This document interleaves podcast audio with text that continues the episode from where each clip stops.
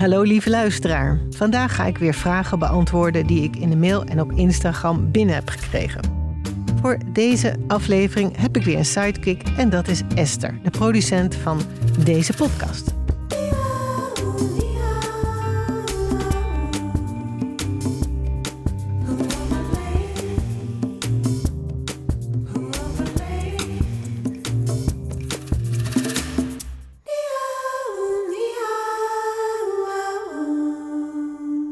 Esther. Hoi, leuk om weer aan te schrijven. Ja, vind ik ook.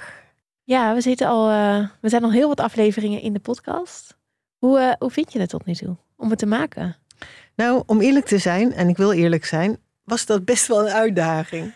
ik dacht van tevoren van, oh, dat doe ik wel even. Dat is een bepaalde kant van mij die nogal overmoedig is. Dat is een hele enthousiaste, impulsieve kant. Dus ik heb in de tijd, toen ik bedacht, ik ga een nieuw boek schrijven. En al die mails binnenkreeg, toen heb ik tegelijkertijd dus bedacht, ik ga een podcast maken. Dat doe ik wel even bij. Nou, het, is ook, kan je zeggen, maar dat weet je. Want ik het weet is, het, is jouw vak. Het is echt wel, uh, ja, het is wel echt wel een ambacht, is het. Ja, en, nou ja, dus mijn impulsieve kant had dat een beetje onderschat. Dus ik vond het een uitdaging. Ja, nou ja. Maar leuke, een leuke uitdaging. Gelukkig, gelukkig. Nee, ik weet ook wel, we hebben natuurlijk uh, eerst wat proefafleveringen gemaakt. En toen we dachten van oké, we gaan het toch een beetje anders aanpakken. En uh, ook trouwens de mensen die daarmee hebben gedaan, heel erg bedankt. Want het is ook wel jammer als je met ons iets maakt en dat, ja. dat dan geen aflevering ja, we hebben een aantal pilots gemaakt. Ja. Um, maar volgens mij hebben we wel heel veel geleerd, allebei. Ja. En er iets, uh, iets gemaakt waar ik heel trots op ben in ieder geval. Ja, ik ook. Ja, en ik denk, we hebben het er net al even over gehad. We zijn... Um, we zijn heel trouw gebleven aan onszelf, aan wat wij belangrijk vinden. Ja. Ja. Dus, uh, en dat, ja, dat, daar gaat het eigenlijk over in mijn boeken en in de podcast ook. En dat is, volg je hart, luister naar jezelf, wees trouw aan jezelf. Ja, ik hoop dat je dat als luisteraar ook terug hoort. Ja, dat hoop ik ook. Oké, over die luisteraars gesproken. We krijgen de hele tijd allemaal berichtjes voor jou en vragen en uh, mensen die dingen inspreken. Dus nou ja, tijd om die weer uh, ja. We gaan wat vragen beantwoorden. Leuk. En de eerste die ik heb meegenomen is, is er eentje van Manon. En uh, daar kunnen we even naar luisteren. Lieve, lieve Francine. Jij geeft altijd de allerbeste tips die er zijn. Maar ik ben eigenlijk wel benieuwd, wat is voor jou het mooiste advies wat jij van iemand hebt gekregen in je leven? Om, om eerlijk te zijn ben ik gaan nadenken, heb ik ooit survival tips van iemand gekregen? En, en dat is gewoon niet zo. Nou. Maar ik ben wel in therapie geweest. En um, wat nu opborrelde was, wat op een gegeven moment mijn therapeut tegen mij, tegen mij zei, is Francine, je kunt maar beter meer in de aarde voeten dan in jezelf. Een kleine uitleg daarbij is, ik heb een tuin, ik werk graag in de tuin. En ik heb de neiging tot piekeren, tot overthinking, tot overdenken. Dus nou, dat vond ik wel een goeie. Ik vind dit ook een hele goeie. Ik ga nu ook als ik weer zit te malen in mijn hoofd gewoon eventjes iets met de bloemetjes doen. Ja, of iets met je handjes doen. Gewoon tekenen of, of breien. breien of um, maar jezelf afleiden. Dus. De volgende vraag is van Niels en die heeft hem ook ingesproken. Hoi, wat een ontzettend mooie podcast. Ik heb uh, deze doorgestuurd gekregen van mijn vrouw, die momenteel ook in een burn-out uh, zit. En uh, dit, zij herkende zich zo in het verhaal van Brit dat zij belangrijk vond dat ik dit ook even hoorde. Want dit geeft mij wat meer inzicht in het denkproces in haar, in haar brein. Zodat ik misschien ook een beetje beter kan snappen hoe zij zich voelt. Want persoonlijk vind ik het heel lastig om uh, te snappen hoe een burn-out werkt. Ik heb er zelf ooit tegenaan gehangen, maar ik ben precies op tijd door mensen uh, voor weggehaald, heb de juiste rust genomen en ik heb me daarnaast uh, erbij neer kunnen leggen. prijs mezelf heel gelukkig om, maar eigenlijk zou ik wel wat meer tips willen kunnen krijgen over hoe het voor een partner of een vrienden of voor familie Niels wil graag survival tips hebben voor als je partner een burn-out heeft. En um, ik, ga deze, ik ga deze vraag doorspelen aan Esther, want Esther heeft zelf een burn-out gehad. Ja. En heeft een partner. Ja, alleen die had ik toen nog niet. Oh. of in ieder geval, het was, een, het was het begin van mijn relatie. Ah, Dat was best wel ingewikkeld. want, ja. Dus eh, jij kwam, je werd verliefd. Je, je kwam je, wat nu je man is tegen. Ja. En tegelijkertijd zat je in je burn-out. Ja, nou eigenlijk werkte het zo dat ik mijn relatie die ik had uitging.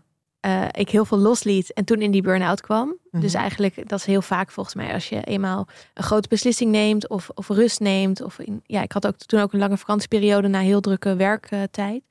ehm, dat dan alles er echt helemaal uitkomt. Dus in Ja. plaats van dat ik meer ontspannen werd, eh, dat die best wel Ja. ingewikkelde relatie was afgelopen, et cetera, werd ik juist eigenlijk werd het allemaal erger. Ja, nou, wat er gebeurt is dat alle opgekropte spanning eruit komt. Want je hebt gewoon heel lang in de overleefstand gehad, gestaan. En op, op een gegeven moment heb je een inzicht en dan laat je het los. En dan word je of ziek, of je, wordt, je voelt je opeens overspannen, of je voelt je burn-out, of wat dan ook. Ja, dat had ik dus echt. En, en ik kon toen eigenlijk steeds minder. Eh, alles kostte heel veel energie. Ik was heel snel moe. Ik sliep heel lang en heel veel. Ehm, maar wat ik toen... Volgens mij zijn dit tips die je als partner kunt gebruiken. Maar ook als... Ik heb heel veel aan mijn vrienden toen gehad. ehm, aan vriendinnen. En die... ehm, die heel, het hielp heel erg om dan wel een uurtje of zo iets met iemand te gaan doen. En dan Mhm. niet iets heel intensiefs, maar gewoon een wandeling maken. Eén, ik mocht van mijn, eh, van mijn therapeut, want ik ben toen eh, in therapie gegaan, mocht ik één ding doen per dag. Mhm. En het liefst dingen die mij plusjes gaven. Zo noemden ze dat. Dus dingen Mhm. waar ik blij van werd. Mhm. Dus dan ging ik bijvoorbeeld bloemen kopen. Want bloemen in huis, dat gaf mij een plusje. Of Mhm. een wandeling met een vriendin. Mhm. Of wat ik toen ook best wel veel gedaan heb, is ehm, lekker ergens in de natuur op een mooie plek in het park met een vriendin een boek lezen. Dus dan gingen we niet de hele tijd kletsen, maar we waren wel samen. En we waren Ja. wel ja, gewoon samen aan het zijn. Ja. Dus ik kon niet in een restaurant zitten en uit eten gaan met alle prikkels. En ik kon niet eh, op een boot varen of eh, nee, ik kon ook niet werken. Maar gewoon mensen die met je willen zijn zonder dat ze verder heel erg iets van je vragen. Mhm. En ik denk dat je dat ook als partner heel goed kan doen. Van samen in bed een serie kijken of gewoon lekker tegen elkaar Ja, dus dat je, dat je, je, je als partner kun je je burn-out partner plusjes bezorgen. Plusjes bezorgen, ja. Dus, en zorgen dat, die, dat er fijne dingen zijn. Lekker voor diegene koken. Ehm, eh, zorgen dat er lekker rustig muziekje op staat. Eh, en gewoon samen zijn en niet te veel eisen qua... eh, oh, je moet echt mee naar mijn ouders vanavond. Of daar heel veel begrip voor hebben. Dat, dat heel veel dingen die voor jou misschien heel makkelijk lijken... en niet zoveel energie kosten, niet kunnen.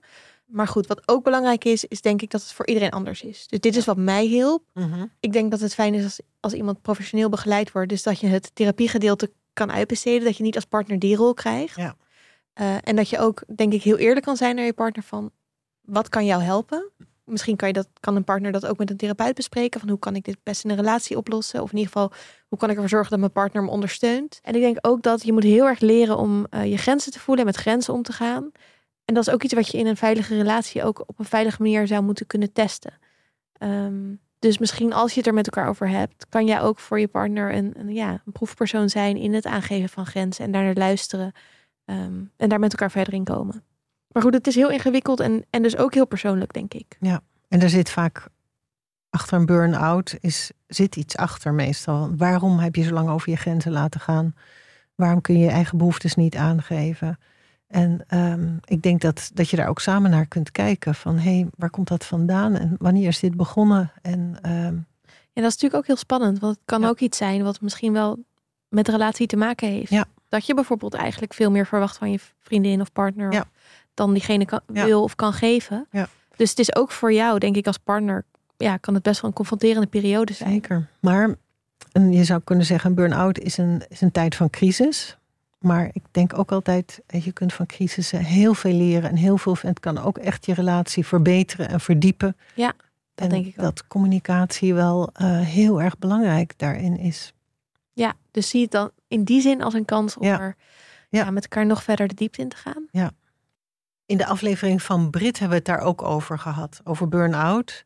En toen ben ik samen met Brit op zoek gegaan naar wat nou de eigenlijke oorzaak was. Waarom ze haar grenzen niet voelde en waarom ze haar behoeftes eigenlijk ook niet meer voelde en niet kon aangeven. Dus Ja, en daar zitten ook survival tips in, hè? Ja. Dus als je dit allemaal herkent of bij mijn verhaal denkt, oeh, er zit misschien iets wat... eh, ja, luister naar de aflevering van Brit. De volgende vraag die ik heb uitgekozen is een vraag van Julia. En dat gaat ook over relaties. Die zegt namelijk: ik heb een vraag voor jullie. Wat moet je doen als je nog heel veel om elkaar geeft, maar een romantische relatie niet meer werkt? Bijvoorbeeld door kleine irritaties, dat soort dingen. Is het verstandig vrienden te blijven met je ex? Oeh. Moeilijke vraag.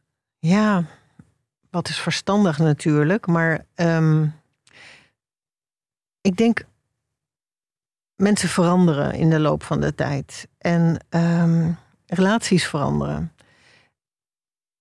En ik denk eigenlijk dat het heel mooi is om toe te werken naar een vormverandering. Ten eerste moet je, denk ik, dan eerlijk zijn naar elkaar toe van hé, hey, ik voel niet meer dat voor jou wat ik toen voelde.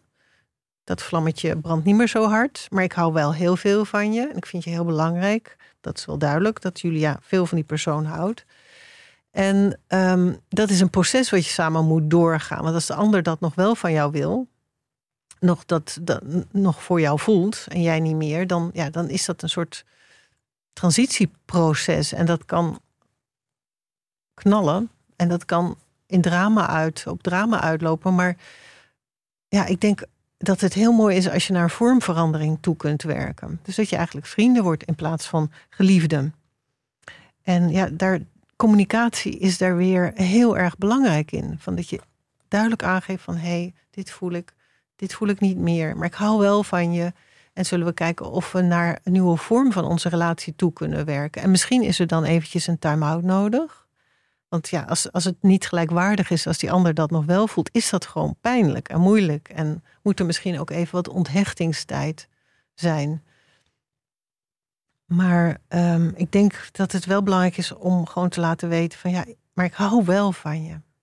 Gewoon op een andere manier. Maar op een andere manier. En ik wil heel graag dat je in mijn leven blijft. Ben jij nog vrienden met exen? Uh, sommige wel, sommige niet.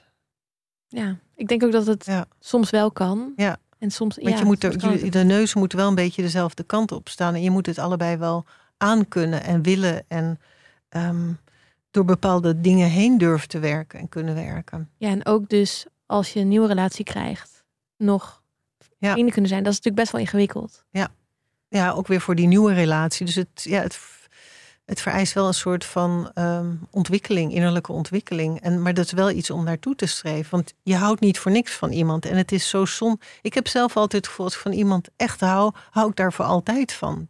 Ja. Ja, ik vind Alleen op een mooi. andere manier. En jij, hoe zit het met jouw exen? Spreek ik nog wel, maar ik zou ons niet vrienden noemen. Nee. Het is meer dat ik inderdaad nog steeds heel erg geef om die mensen en benieuwd ben hoe het met Hoe ze met gaat. en ja. het heel leuk vind als, als ik iets af en toe van ze hoor. Maar het is mij niet gelukt om echt vrienden te blijven. Nee. Maar dat vind, ik vind het ook prima zo. Ja. Ik ben ook gewoon blij met hoe die relaties Ja. nu zijn. Ik ben wel heel blij dat ze niet uit mijn leven zijn verdwenen. Dat er gewoon een dichte deur is en, en dat er ook geen toegang meer is tot Precies. die ander. Want dat is heel pijnlijk. Ja, En dat zorgt er ook voor, als er echt een dichte deur is, dat er het verwerkingsproces stopt of zo. En ja, dat is wel belangrijk dat dat plaatsvindt, denk ik. ja, en ik denk dat na mijn relatie, laatste relatie, de, het zo moeilijk was om daar uit te komen voor allebei. Dat het eigenlijk die periode van transitie te lang was om daarna weer dicht bij elkaar te komen. Ja.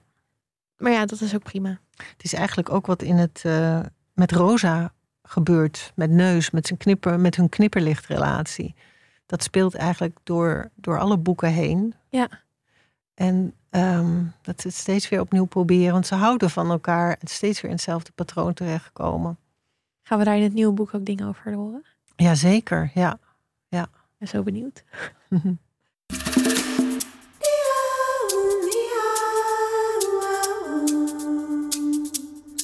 Oké,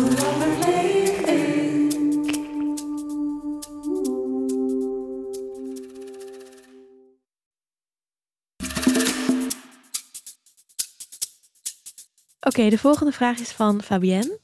Hoi Francine, ik ben straks afgestudeerd en ga dan natuurlijk een heel ander leven hebben, omdat ik geen student meer ben. Ik vind het best lastig om hiermee om te gaan en mij dit allemaal voor te stellen. Hoe ging jij hiermee om en heb je survival tips? Volgens mij ook iets waar veel mensen eh, mee zitten. Nou, ik denk dat mijn survival tip is. ehm, want eh, Fabienne zegt: Ik vind het lastig om het me allemaal voor te stellen. En als je je dingen voor gaat stellen, dat is nooit de werkelijkheid. Dan nodig je eigenlijk allerlei beren op de weg uit. Want als je dingen gaat voorstellen, ben je eigenlijk zenuwachtig en gespannen. En dan ga je allerlei scenario's in je hoofd van, nou, als dat gebeurt, moet ik dat doen. Dat. Maar de werkelijkheid pakt altijd anders uit. Het is nooit zoals jij denkt. En ehm, je kunt niet op al die scenario's anticiperen. Dan, dan, word je, dan krijg je een burn-out. Dan word je heel erg moe. Dat is ook verspilde energie omdat het toch nooit zo uitpakt als dat je denkt. Dus het is denk ik de kunst om tegen jezelf te zeggen dat, ehm, dat het allemaal wel goed komt en dat het universum jou zal brengen wat jou dient.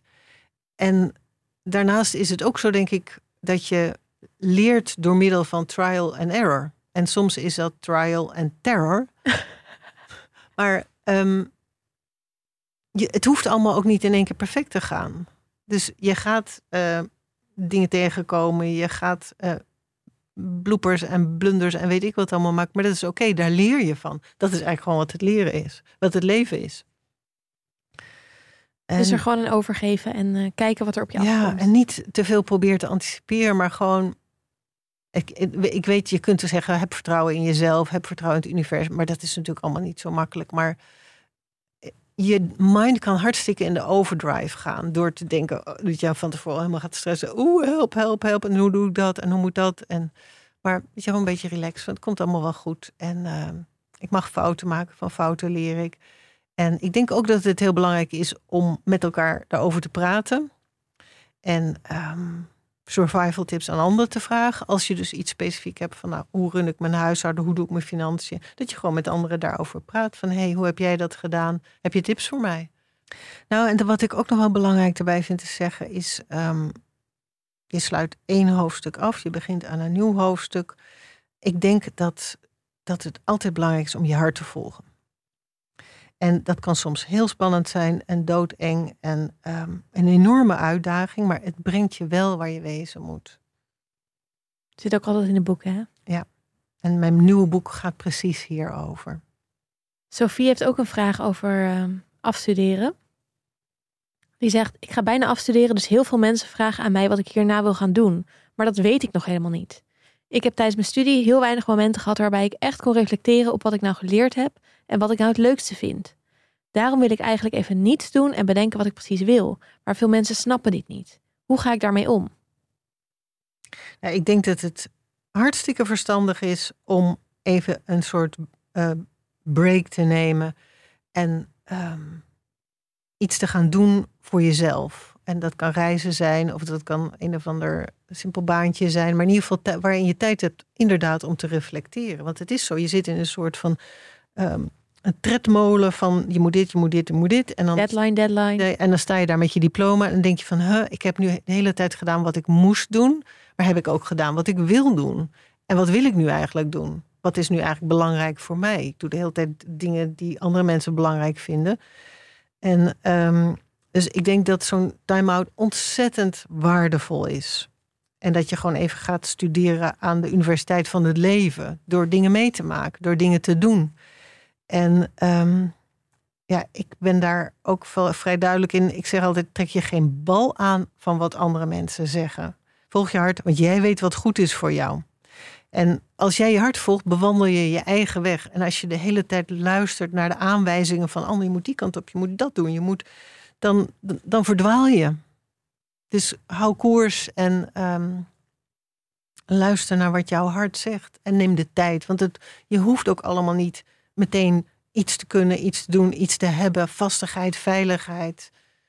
Um, ik denk juist een poosje dat, dat, dat er geen veiligheid is, maar dat alles mogelijk is, dat dan naar je toe komt wat bij jou hoort.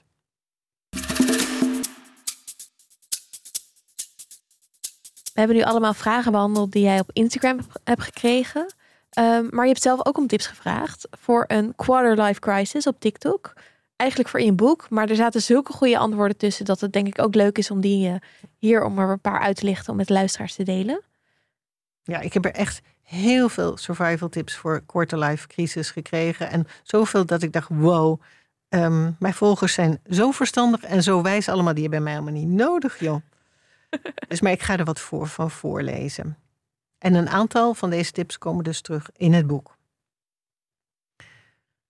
Ik vond deze wel leuk. ehm, van Lisanne. Iedereen is vooral met zichzelf bezig. Dus je hoeft je geen zorgen te maken over wat anderen van je zullen denken. Ja, dat, eh, wij denken altijd dat anderen iets van ons vinden. Maar iedereen is gewoon lekker met zichzelf bezig. En eh, Goed om bij jezelf even te checken van hoe vaak denk jij eigenlijk na over, vind jij iets van anderen? Je denkt toch meestal alleen maar over wat, wat je zelf allemaal aan het doen bent.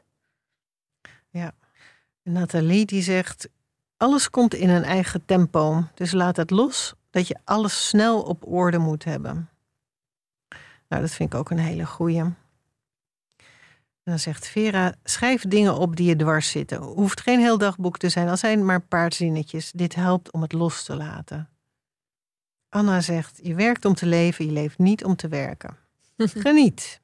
Maaike zegt, het is oké als jouw pad er anders uitziet dan het pad van een ander. Houd je eigen tempo aan en doe wat goed voelt. Nou, ben ik het helemaal mee eens natuurlijk. En dan zegt ze erachter, zonder ander te kwetsen natuurlijk. Ja. Patrick zegt, vind ik ook een mooie, in deze tijd willen we alleen maar meer. Neem eens de tijd om te waarderen wat je al hebt bereikt. Je hebt wel echt wijze volgers. Dat heb ik zeker, ja. Ja, deze vond ik heel mooi. Van Sharon. De beste dingen komen onverwachts, dus geen paniek als het niet gaat zoals gepland. Vind ik een hele mooie. En ik denk gewoon dat eigenlijk, ook al is het heel onverwacht, heb je, gebeurt er iets heel anders, dat het precies gaat zoals het moet gaan. Eigenlijk dus eigenlijk alles is perfect zoals het is. Ook al is het soms misschien even ongemakkelijk. Neem de tijd. Die zie ik heel vaak voorbij komen. Ik denk dat dat ook wel een van de dingen is die in heel veel afleveringen terugkomt. Ja. En dat dat ook gewoon iets is van onze generatie, van jouw lezers. Dat we zo veel en snel allemaal moeten van onszelf en het gevoel hebben dat het van anderen moet. Ja. Terwijl we zijn nog allemaal heel jong en we kunnen Ja. nog zoveel doen. En ja. het hoeft allemaal ook niet nu. En het Nee, hoeft nee, allemaal dus sowieso niet. die prestatiedwang en druk, die is enorm. Ja. Je moet, je moet, je moet, je moet. In plaats van je kunt en je mag en je wil vooral. Ja. En dat heeft heel erg te maken met dat vergelijken natuurlijk. Hè? Van dat je denkt, oh, maar die heeft al een huis. Oh, die heeft al een kind. Oh, die heeft een dikke baan en ik ben nog aan het studeren. Ehm, dus dat vergelijken, dat is wel een, ehm, een hele gemene eigenlijk. Ja, en het is denk ik Een hele goed. destructieve. Ja, en als je alle afleveringen hebt geluisterd en straks jouw boek leest, het is toch ook iets wat in heel veel mails terugkwam. Dat mensen zich gewoon heel erg herkennen in die verhalen en dan het gevoel krijgen, oh, ik ben niet alleen. Ja, Dus ik hoop dat je dat als luisteraar ook soms voelt. ja. Deze vond ik ook wel interessant. Van Dutch Girl. Eentje die soms wel handig is als je een people pleaser bent. Don't set yourself on fire just to keep others warm.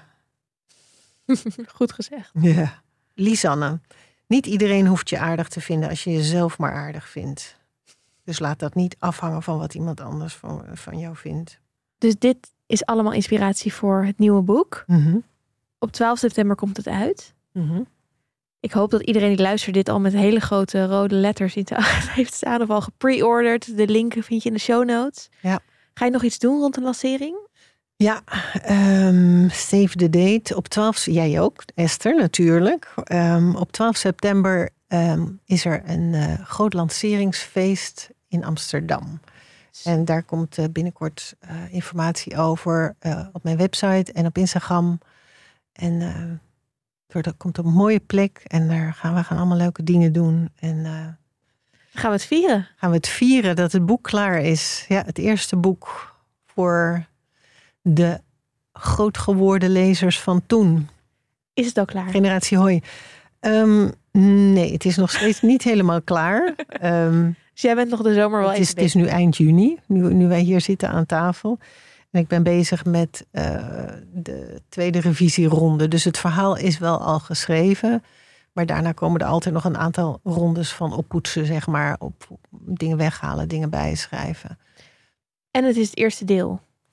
Ja, ik ga nog niet te veel beloven, maar ik heb wel het idee dat er zeker nog een vervolg komt. Niet meer, een, dat ga ik wel meteen zeggen, geen 15 delen. Je ziet jezelf al tot ver in het bejaardenhuis. Ja, ik, zie, eh, 85, ja, ik moet nog het laatste deel schrijven. Nee.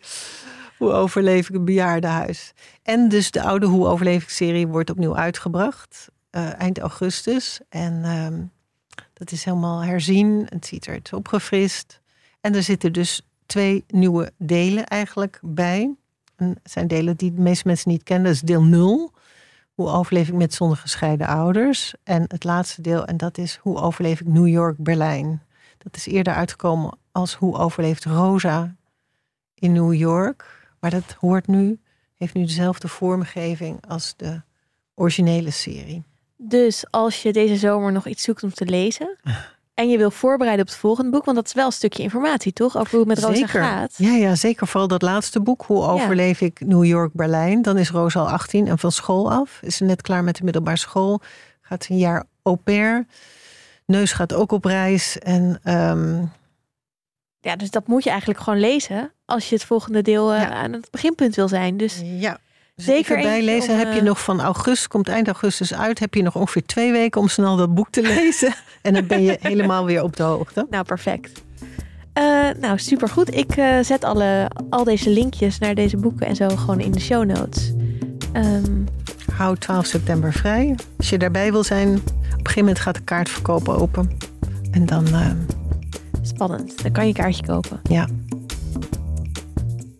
Jij moet afronden, vind ik. Oké, ik ga afronden. Nou, dit was voorlopig de laatste aflevering van Hoe overleef ik de podcast. En eh, ik heb het met veel plezier gemaakt. Samen met mijn sidekick en producente Esther Krabbendam en Dag en Nacht Media.